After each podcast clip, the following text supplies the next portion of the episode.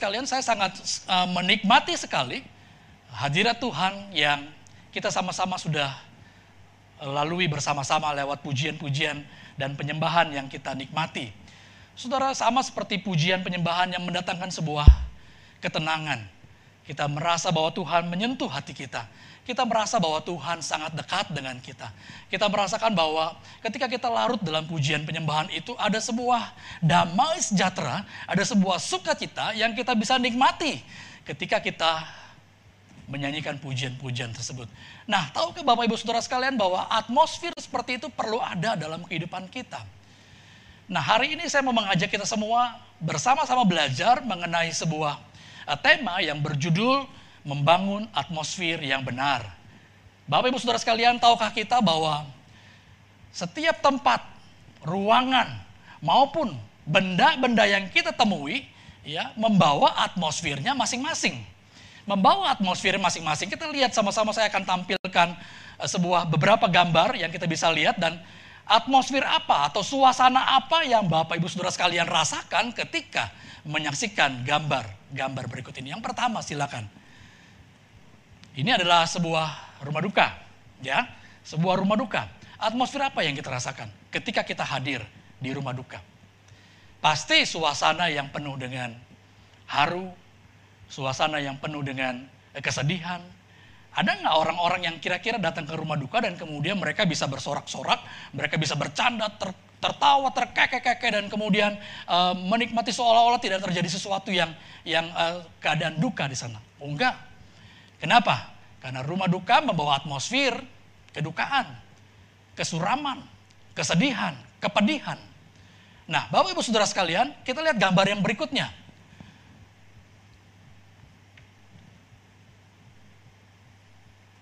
Ya, gambar yang berikutnya tolong ditampilkan.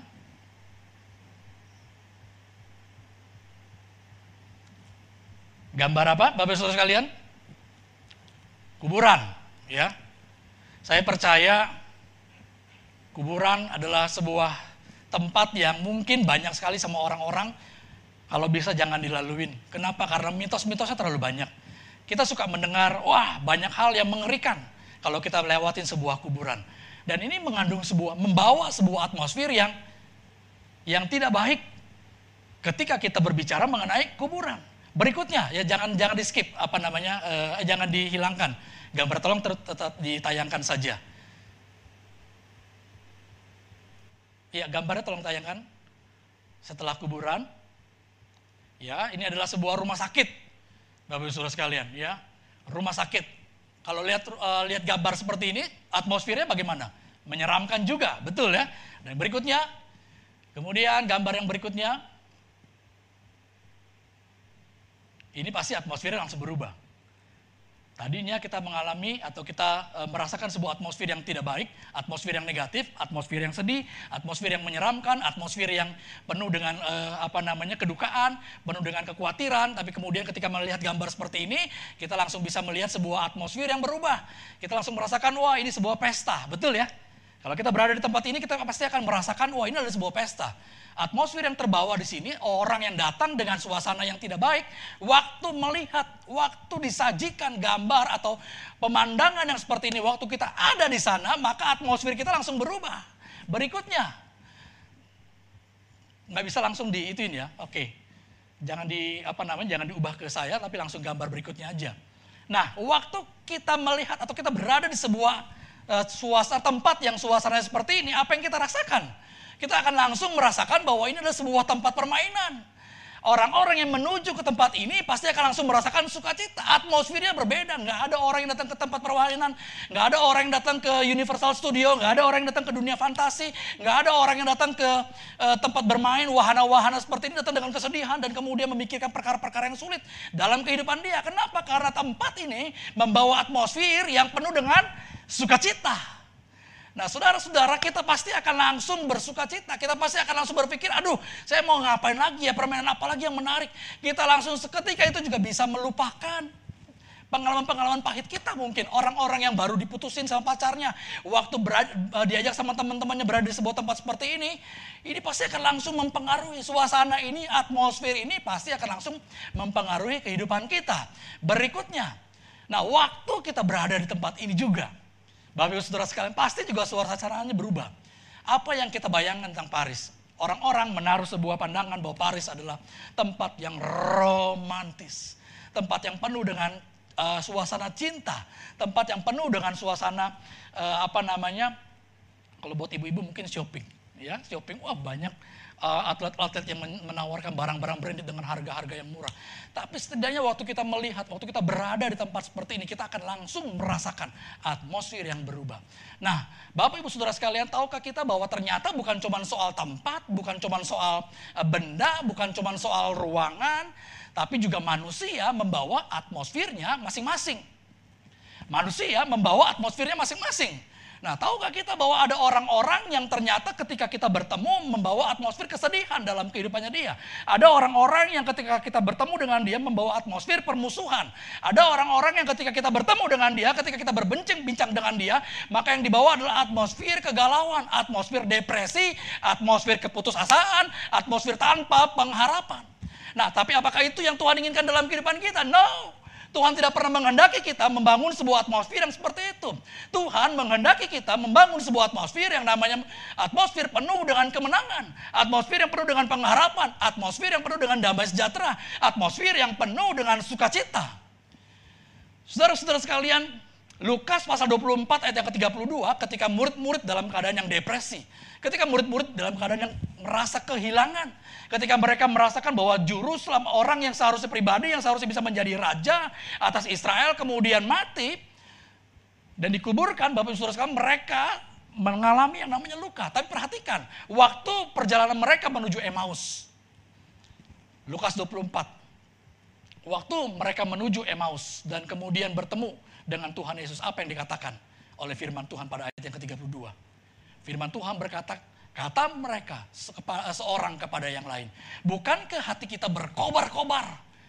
Ya, bukankah hati kita berkobar-kobar ketika ia berbicara dengan kita di tengah jalan dan ketika ia menerangkan kitab suci kepada kita? Ada orang-orang yang ketika kita berbicara dengan dia yang keluar adalah penuh dengan kata-kata yang negatif penuh dengan uh, kita menerimanya sebagai sebuah impresi yang menyedihkan. Kita menerimanya sebagai sebuah emosi yang negatif. Tapi perhatikan ketika murid bertemu dengan Yesus, impresi yang mereka rasakan adalah hati mereka berkobar-kobar. Ibaratnya sama seperti orang yang jatuh cinta ketika bertemu dengan orang yang disukai, maka pasti perasaannya adalah perasaan yang penuh dengan kegembiraan, Bapak Saudara sekalian. Murid-murid ketemu dengan Tuhan Yesus dan mereka merasakan atmosfer yang penuh dengan semangat. Kata firman Tuhan, ini berkobar-kobar, hati kita berkobar-kobar. Waktu ia menceritakan, menerangkan tentang kitab suci. Nah atmosfer apa yang kita bawa Bapak Ibu Saudara sekalian? Apa kita membawa, apakah kita ketika kita bertemu dengan orang lain, kita membawa atmosfer yang positif? Ketika kita bertemu dengan orang lain, kita membawa atmosfer yang benar. Apakah kita ketika kita bertemu dengan orang lain, kita membawa atmosfer yang menyejukkan? Atau sebaliknya, ketika kita bertemu dengan orang lain, kita membawa atmosfer negatif. Sehingga orang-orang yang bertemu dengan kita, bukan bertambah segar, bukan bertambah semangat, tapi justru mereka bertambah pedih hatinya. Bertambah khawatir hidupnya. Kenapa? Karena kita mengimpartasikan yang namanya atmosfer negatif dalam hidup kita. Saudara-saudara, apa sih yang membentuk atmosfer ada dalam kehidupan kita? Apa yang membentuk atmosfer bisa ada dalam kehidupan kita? Yang pertama adalah pandangan-pandangan yang salah. Pandangan yang salah dapat membentuk atmosfer dalam kehidupan kita. Ya, kitab Amsal berkata, yang 23 ayat yang ketujuh firman Tuhan berkata, sebab seperti orang yang membuat perhitungan dalam dirinya sendiri, demikianlah ia. Waktu kita membuat perhitungan tentang diri kita, ketika kita membuat perhitungan yang negatif tentang diri kita, ketika kita menghukum diri kita, ketika kita berkata-kata sesuatu yang yang tidak baik tentang diri kita, maka itu akan membangun sebuah atmosfer yang buruk juga dalam kehidupan kita. Berapa banyak di antara kita orang tua suka sekali mengatakan hal-hal yang buruk kepada putra atau putri kita. Kita menjudge mereka. Kita menyampaikan perkataan-perkataan yang menuduh mereka. Kita bilang mereka nggak becus, kita bilang mereka nggak sanggup, kita bilang mereka pembuat onar, kita bilang mereka pembawa masalah, kita bilang kalau kamu ada di rumah, kamu membawa uh, apa namanya suasana yang tidak baik di rumah ini. Dan ketahuilah ketika pandangan-pandangan seperti itu diterima oleh putra atau putri kita, kita, maka mereka akan tumbuh dengan menjadi pribadi yang membawa atmosfer yang negatif. Makanya nggak aneh ketika mereka bertemu dengan teman-teman mereka, mereka akan membawa atmosfer yang negatif. Mereka tidak menjadi percaya diri, mereka menjadi pribadi yang senantiasa menghukum diri mereka sendiri. Nah, betapa perlu berhati-hatinya kita ketika kita mengeluarkan pandangan-pandangan, penilaian-penilaian kepada diri kita maupun kepada orang lain. Supaya apa? Supaya tidak ada sebuah gambar diri yang rusak. Atmosfer yang terpancar, yang mempengaruhi, yang negatif, yang keluar dari dalam diri dia. Hal yang kedua, Bapak Ibu Saudara sekalian, apa yang membentuk atmosfer bisa ada? Pengalaman-pengalaman. Pengalaman-pengalaman membentuk atmosfer dalam diri kita. Ketika kita mengalami pengucilan, ketika kita mengalami penolakan, ketika kita mengalami yang namanya uh, apa namanya hal-hal yang buruk di dalam rumah tangga dalam kehidupan kita. Maka ketika kita berada di lingkungan masyarakat, ketika kita bertemu dengan orang-orang, atmosfer-atmosfer yang negatif itu akan keluar. Ya, orang-orang yang penuh dengan luka, waktu kita berbincang-bincang dengan dia, saudara perhatikan. Atmosfer yang dia bawa, kata-kata yang dia keluarkan, apa yang keluar dari pikiran dia, maka pasti yang keluar adalah suasana yang atmosfer yang negatif. Bukankah tempat-tempat yang buruk, tempat-tempat yang punya atmosfer yang tidak baik, juga lahir lewat pengalaman-pengalaman seseorang kan? Waktu kita lewat eh, apa namanya di sebuah tempat, kita lihat ada pohon besar, lalu kita ngerasa aneh, terus ada kucing lewat, meow gitu misalnya, terus kemudian kita lari terbirit-birit, lalu kita cerita sama teman-teman kita, eh, lu kalau lewat tempat itu di ujung gang situ tuh, terus lu ngelihat ada pohon yang gede, lu mesti hati-hati. Kenapa? Karena di sono ada waktu gue lewat, waduh ngeri. Padahal belum tentu. Tapi karena pengalaman seperti itu terus berulang diceritakan, maka lambat laun orang-orang, setiap orang-orang yang kita ceritakan, yang kita sampaikan berita-berita seperti itu, waktu mereka lewat di tempat-tempat seperti itu, maka mereka pasti akan merasakan atmosfer yang tidak baik. Yang ketiga, apa yang membentuk atmosfer seseorang bisa terbentuk dalam dalam dirinya dia? Yaitu informasi-informasi yang masuk ke dalam dirinya dia. Informasi-informasi apa saja? Bisa lewat media sosial, bisa lewat eh, buku-buku yang ia baca, bisa lewat eh, informasi uh, apa namanya berita-berita, bisa lewat khotbah, bisa lewat perkataan-perkataan orang yang masuk ke dalam telinganya dia itu dapat membentuk sebuah atmosfer dalam kehidupan kita. Ketika kita mendengar atmosfer, ketika kita mendengar berita yang baik, ketika kita mendapatkan informasi yang yang uh, membangun, maka atmosfer yang positif itu akan keluar dalam diri kita. Tapi sebaliknya ketika kita mendengar berita-berita yang negatif, maka atmosfer yang buruk, hal yang negatif yang hal-hal yang negatif itu akan keluar. Atmosfer yang negatif yang salah akan keluar dari dalam diri kita. Nah, saudara-saudara, Betapa pentingnya kita untuk kita bisa menyalurkan, mengeluarkan, justru kita mengubah suasana. Sebenarnya bisa nggak sih atmosfer itu diubah? Bisa nggak Bapak Saudara sekalian? Bisa. Tadi gambar-gambar yang tiga pertama saya sampaikan bahwa eh, saya, saya tayangkan di layar monitor Bapak Ibu Saudara sekalian. Ada gambar kuburan, ada gambar rumah duka, kemudian ada gambar e, rumah sakit yang tidak terawat. Atmosfernya buruk. Tapi tahu nggak kita bahwa itu semua bisa diubah? Makanya ada beberapa rumah rumah duka sekarang sudah mulai bagus. Betul ya? Waktu kita menuju ke rumah duka itu kok rasanya seperti hotel, rasanya seperti sedang menuju ke sebuah tempat yang mewah, yang bagus, nggak ada kesan seram-seramnya sama sekali. Rumah duka, kuburan juga demikian, Bapak Saudara sekalian. Berapa banyak kita yang pernah um, menguburkan uh, relasi kita, kemudian di tempat-tempat yang yang penuh dengan tam, yang penuh dengan bunga, yang penuh dengan hiasan-hiasan. Kita bilang, wah ini mau kayak rekreasi. Suasananya berubah. Begitu juga dengan ruangan-ruangan.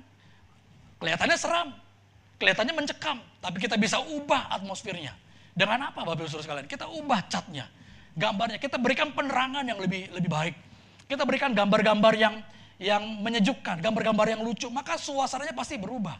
Perhatikan, di rumah di rumah kita kalau kita menganggap sebagai se, eh, sebuah tempat kita anggap wah ini kayaknya nggak nggak nggak enak nih ruangan di sebelah sini ya. Rubah saja atmosfer langsung pasti akan berubah suasananya. Demikian juga dengan hidup kita. Bapak Ibu Saudara sekalian Tuhan menghendaki kita mengubah atmosfer yang ada dalam kehidupan kita. Nah, ketika kita salah dalam membangun atmosfer, maka justru itu akan mendatangkan keburukan buat kita. Hal-hal baik bisa terhi, bisa bisa terhilang, hal-hal baik bisa tidak bisa tidak datang dalam kehidupan kita. Saudara, suatu saat ketika Tuhan Yesus sedang ingin melayat, uh, melawat, ya bukan melayat, melawat uh, kampung halamannya dia di Nazaret. Perhatikan, waktu Tuhan Yesus menuju ke Nazaret, di tempat-tempat lain bisa terjadi mujizat, bisa terjadi sebuah kebangunan rohani. Tapi justru ketika dia berada di Nazaret, waktu dia mulai melayani orang di sana, mau melayani orang di sana, tidak ada satupun mujizat yang terjadi. Kenapa? Karena atmosfer yang dibangun oleh orang-orang Nazaret adalah atmosfer ketidakpercayaan. Waktu Tuhan datang ke Gerasa, justru ya orang yang kerasukan oleh oleh, oleh legion kuasa jahat itu yang mengalami kesembuhan. Tapi waktu Tuhan ingin bekerja lebih banyak lagi, lebih dalam lagi, orang-orang di Gerasa menolak. Tuhan Yesus bekerja di sana. Dan ketika mereka membangun atmosfer penolakan, di saat itu juga kuasa Tuhan tidak terjadi, tidak terbangun. Saudara, jangan biarkan diri kita dikuasai oleh atmosfer-atmosfer yang negatif. Entah berapa lama kita harus menjalani yang namanya COVID-19 ini. Pemerintah memang sudah berikan himbauan bahwa berikan informasi bahwa di bulan Desember dan di bulan Januari akan ada vaksin yang diberikan kepada masyarakat banyak. Tapi kita tidak pernah tahu apakah ini akan selesai pada bulan Januari Februari. Kita nggak pernah tahu apakah ini akan selesai pada bulan Mei dan Juni tahun depan. Kita nggak pernah tahu apakah akan ada virus susulan. Kita nggak pernah tahu apakah ada apakah akan ada wabah susulan. Tapi dengar baik, yang Tuhan kehendaki dalam kehidupan kita adalah mari kita bangun atmosfer, mari kita ubah atmosfer yang mencekam ini. Ya dunia sedang dikuasai oleh atmosfer yang buruk. Mungkin keluarga kita karena kita terlalu lama work work from home. Kita memiliki hubungan yang tidak baik dengan pasangan kita. Anak tidak memiliki hubungan yang baik dengan orang tua. Menantu tidak punya hubungan yang baik dengan mertua. Dan atmosfer itu terus menguasai keluarga kita. Maka saat itu juga, saat ini juga Bapak Ibu Saudara sekalian, saya ingin katakan buat setiap kita semua, kita perlu menghancurkan atmosfer seperti itu. Sebaliknya kita perlu bangun sebuah atmosfer yang penuh dengan damai sejahtera. Sebaliknya kita perlu membangun atmosfer yang penuh dengan sukacita. Kita perlu membangun atmosfer yang penuh dengan penerimaan. Saudara, berapa banyak di antara kita yang sering kali ribut dengan pasangan kita hanya karena kita tidak mampu menguasai diri kita.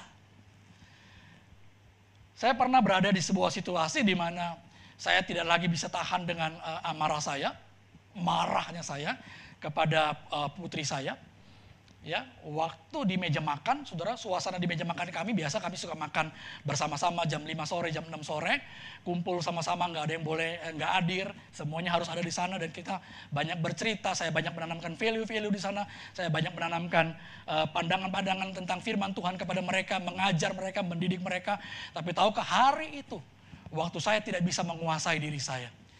Saya marah dan saya mengeluarkan suara yang keras Bapak Ibu Saudara sekalian atmosfer yang tadinya, yang seharusnya indah. Atmosfer yang seharusnya menyejukkan. Atmosfer yang seharusnya saling membangun di keluarga. Saya harusnya bisa menabur perkataan-perkataan firman Tuhan. Menasehati putra putri saya. Untuk mereka bisa tumbuh semakin mencintai Tuhan. Hari itu rusak Bapak Ibu Saudara sekalian. Saya marah kepada putri saya dan bukan hanya putri saya yang ngerasa saya marah sama dia putra saya yang paling besar, Bapak Ibu Saudara sekalian, padahal saya nggak marah sama dia. Padahal marah saya bukan ditujukan sama dia. Tapi karena saya membangun atmosfer yang salah, wow, Bapak Ibu Saudara sekalian, putra saya langsung tersinggung. Dia langsung marah juga. Dia langsung pergi dan dia langsung naik ke kamarnya dia. Saya mau tanya sama Bapak Ibu Saudara sekalian, kalau saya bisa menguasai diri saya, kalau saya bisa mampu mengendalikan perkataan saya, emosi saya, apakah hal ini akan terjadi? Enggak. Yang terjadi justru hal-hal yang biasa kami lakukan. Penuh dengan tawa, penuh dengan bercandaan, penuh dengan nilai-nilai yang yang kami terima satu dengan yang lainnya. Penuh dengan keterbukaan. Putra saya bisa cerita tentang pengalaman-pengalaman dia di Zoom, di sekolah. Putri saya mungkin bisa cerita. Bukan cuma putra saya yang kabur, Bapak Ibu Saudara. Anak saya yang nomor tiga dan nomor empat sekalipun. Mereka masih kecil-kecil, mereka bisa langsung ciut. Tadinya mereka yang paling berisik di rumah, langsung diem semuanya. Kenapa? Karena saya salah membangun atmosfer. Saudara kadang-kadang pertengkaran tidak harus terjadi. Kadang-kadang masalah tidak harus selalu eh, tidak tidak tidak harus menjadi lebih besar. Tapi karena kita tidak tidak mampu menguasai diri kita, maka justru kita mencipta atmosfer yang salah dalam kehidupan kita. 10 menit terakhir saya akan bagikan buat kita semua. Bagaimana sih caranya supaya kita bisa membangun atmosfer yang benar dalam hidup kita. Saudara, hal yang pertama, mari kita buka terlebih dahulu Alkitab kita di dalam satu tawa, dua tawarik pasal yang ke-20. Ayat pertama sampai dengan yang ke-30.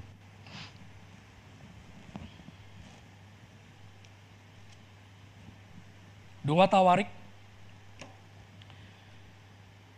pasal yang pertama ayat yang uh, dua Tawarik 20 pas ayat yang pertama sampai dengan 30 ini banyak sekali. Saya tidak akan bacakan buat kita semua, saya akan bacakan ayat pertama sampai dengan ketiga terlebih dahulu, kemudian saya akan ceritakan kronologi kejadian di uh, kitab ini dan kemudian saya akan lanjutkan materi firman Tuhan. Firman Tuhan ayat yang pertama bilang begini. Setelah itu Bani Moab dan Bani Amon datang berperang melawan Yosafat bersama-sama sepasukan orang Miunim datanglah orang memberitahukan Yosafat. Yosafat ini raja orang Israel, orang Yehuda ya, Yerusalem. Datanglah orang memberitahukan Yosafat, suatu laskar yang besar datang dari seberang laut asin, dari Edom.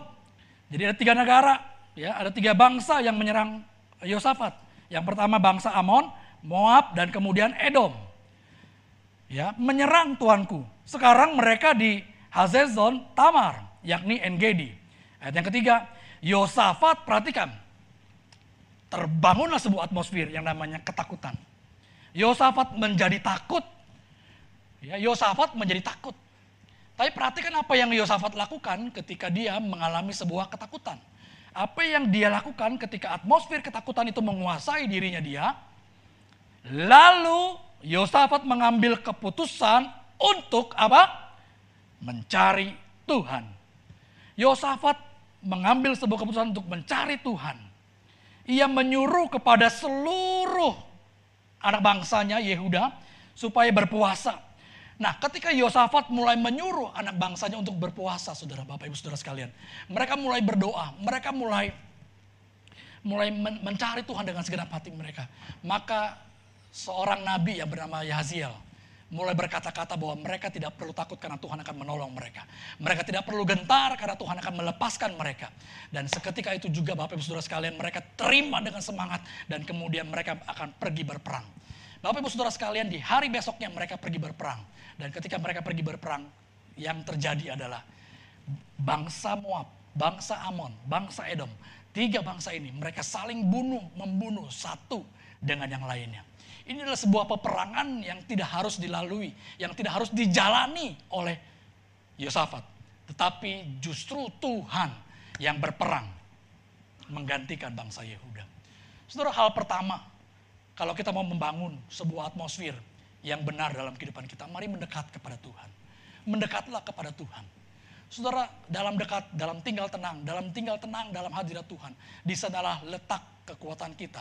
1 Petrus 4 ayat yang ketujuh berkata demikian. Dalam tinggal tenang justru di sana letak kekuatan kita. Ketika kita dekat dengan Tuhan, maka kita akan menjadi tenang. Atmosfer yang baik itu mulai terbangun dalam kehidupan kita. Jangan terburu-buru mengambil sebuah keputusan ketika kita dalam keadaan uh, susah, dalam keadaan yang begitu menyulitkan. Dalam rumah tangga yang begitu porak-poranda mungkin kita pikir tidak bisa diselamatkan.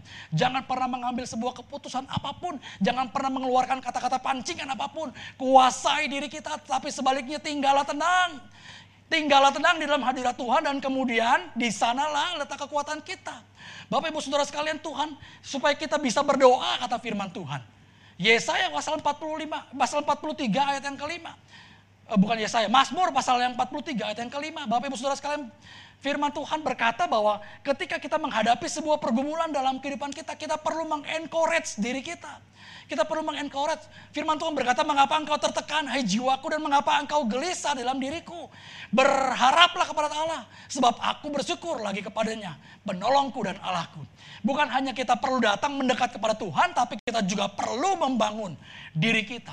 Berapa banyak kita yang menghukum diri kita ketika kita dalam persoalan ke, ke pertengkaran dengan dengan pasangan kita di rumah. Berapa banyak kita yang justru menghukum diri kita membangun terus atmosfer yang salah. Kita membiarkan atmosfer menguasai kita. Kita membiarkan ketakutan terus menguasai diri kita. Tapi sebaliknya yang Tuhan kehendaki adalah ayo bangun atmosfer yang baik. Mendekat kepadaku, jadilah tenang dan terimalah damai sejahtera. Ketika kamu tinggal tenang, kata Tuhan, kamu bisa berdoa. Kamu bisa berpikir dengan baik. Kamu bisa memutuskan apa-apa saja yang ingin kamu ambil dalam kehidupan kamu. Tapi kamu pertama-tama kamu harus tinggal tenang dulu. Kamu harus mendekat dulu. Kamu harus bangun dulu atmosfer yang benar di hadapan Tuhan. Saudara-saudara mari berbanyaklah waktu-waktu intim dengan kita.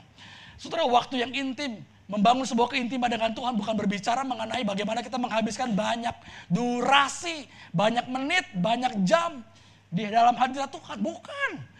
Membangun sebuah keintiman dengan Tuhan adalah ketika kita benar-benar merasakan bahwa Tuhan ada di dalam hidup kita. Tuhan dekat, Tuhan menjamah, kita mau me, me, me, menyembah dia dengan segenap hati kita. Dan jangan lupa kita perlu mengencourage diri kita. Ayat yang ke-20 firman Tuhan dalam dua tawarik, coba kita lihat ya bersama-sama kita balik lagi. Dua tawarik pasal yang ke-20 ayat yang ke-20. Firman Tuhan berkata seperti ini Bapak Ibu Saudara sekalian. Keesokan harinya pagi-pagi mereka, Yosafat dan orang-orang yang ada, mereka menuju padang gurun Tekoa ketika mereka hendak berangkat. Berdirilah Yosafat dan berkata, dengar hai Yehuda dan penduduk Yerusalem, percayalah kepada Tuhan Allahmu dan kamu akan tetap teguh. Percayalah kepada nabi-nabinya dan kamu akan berhasil. Perhatikan apa yang dikatakan oleh Yosafat. Dengar hai Yehuda dan penduduk Yerusalem. Dengar, artinya dia sedang berkata-kata kepada dirinya sendiri. Dia perlu membangun dirinya sendiri. Hari-hari ini mungkin banyak orang tidak bisa menguatkan engkau. Karena mungkin orang nggak terlalu berani untuk keluar dari rumah. Nggak terlalu banyak orang mungkin bisa bisa bisa bisa memperhatikan kita.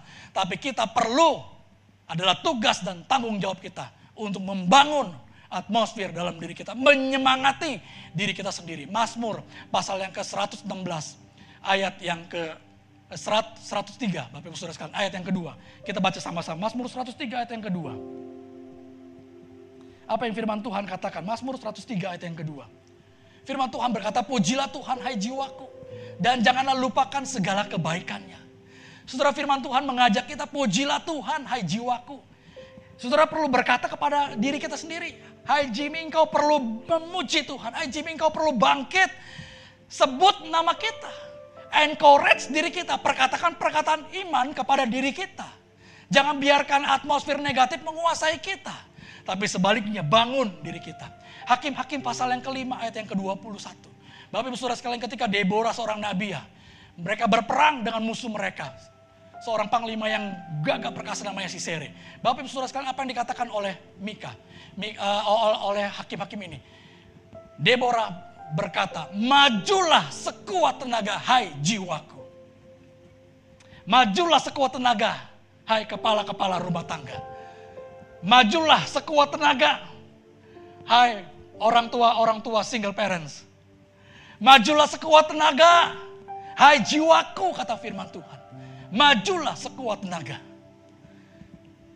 Saudara, ada saatnya di mana gembala kul saudara tidak mampu untuk selalu hadir menguatkan kita semua.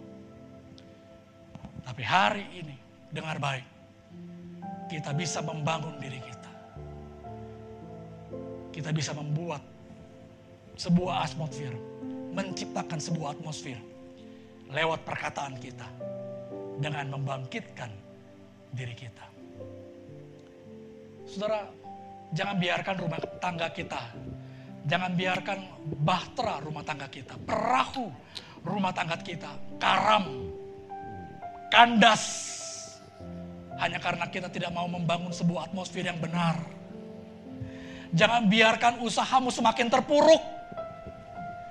Jangan biarkan Pekerjaanmu semakin habis, hancur. Jangan biarkan semangatmu semakin kandas. Tapi sebaliknya mari bangun. Bangkit, Bapak Ibu Saudara sekalian. Semangati dirimu. Bangun atmosfer itu. Mendekatlah kepada Tuhan. Karena di dalam hadiratnya dia ada kekuatan. Ayat yang terakhir. Di dalam Yesaya pasal yang ke-30 ayat yang ke-15.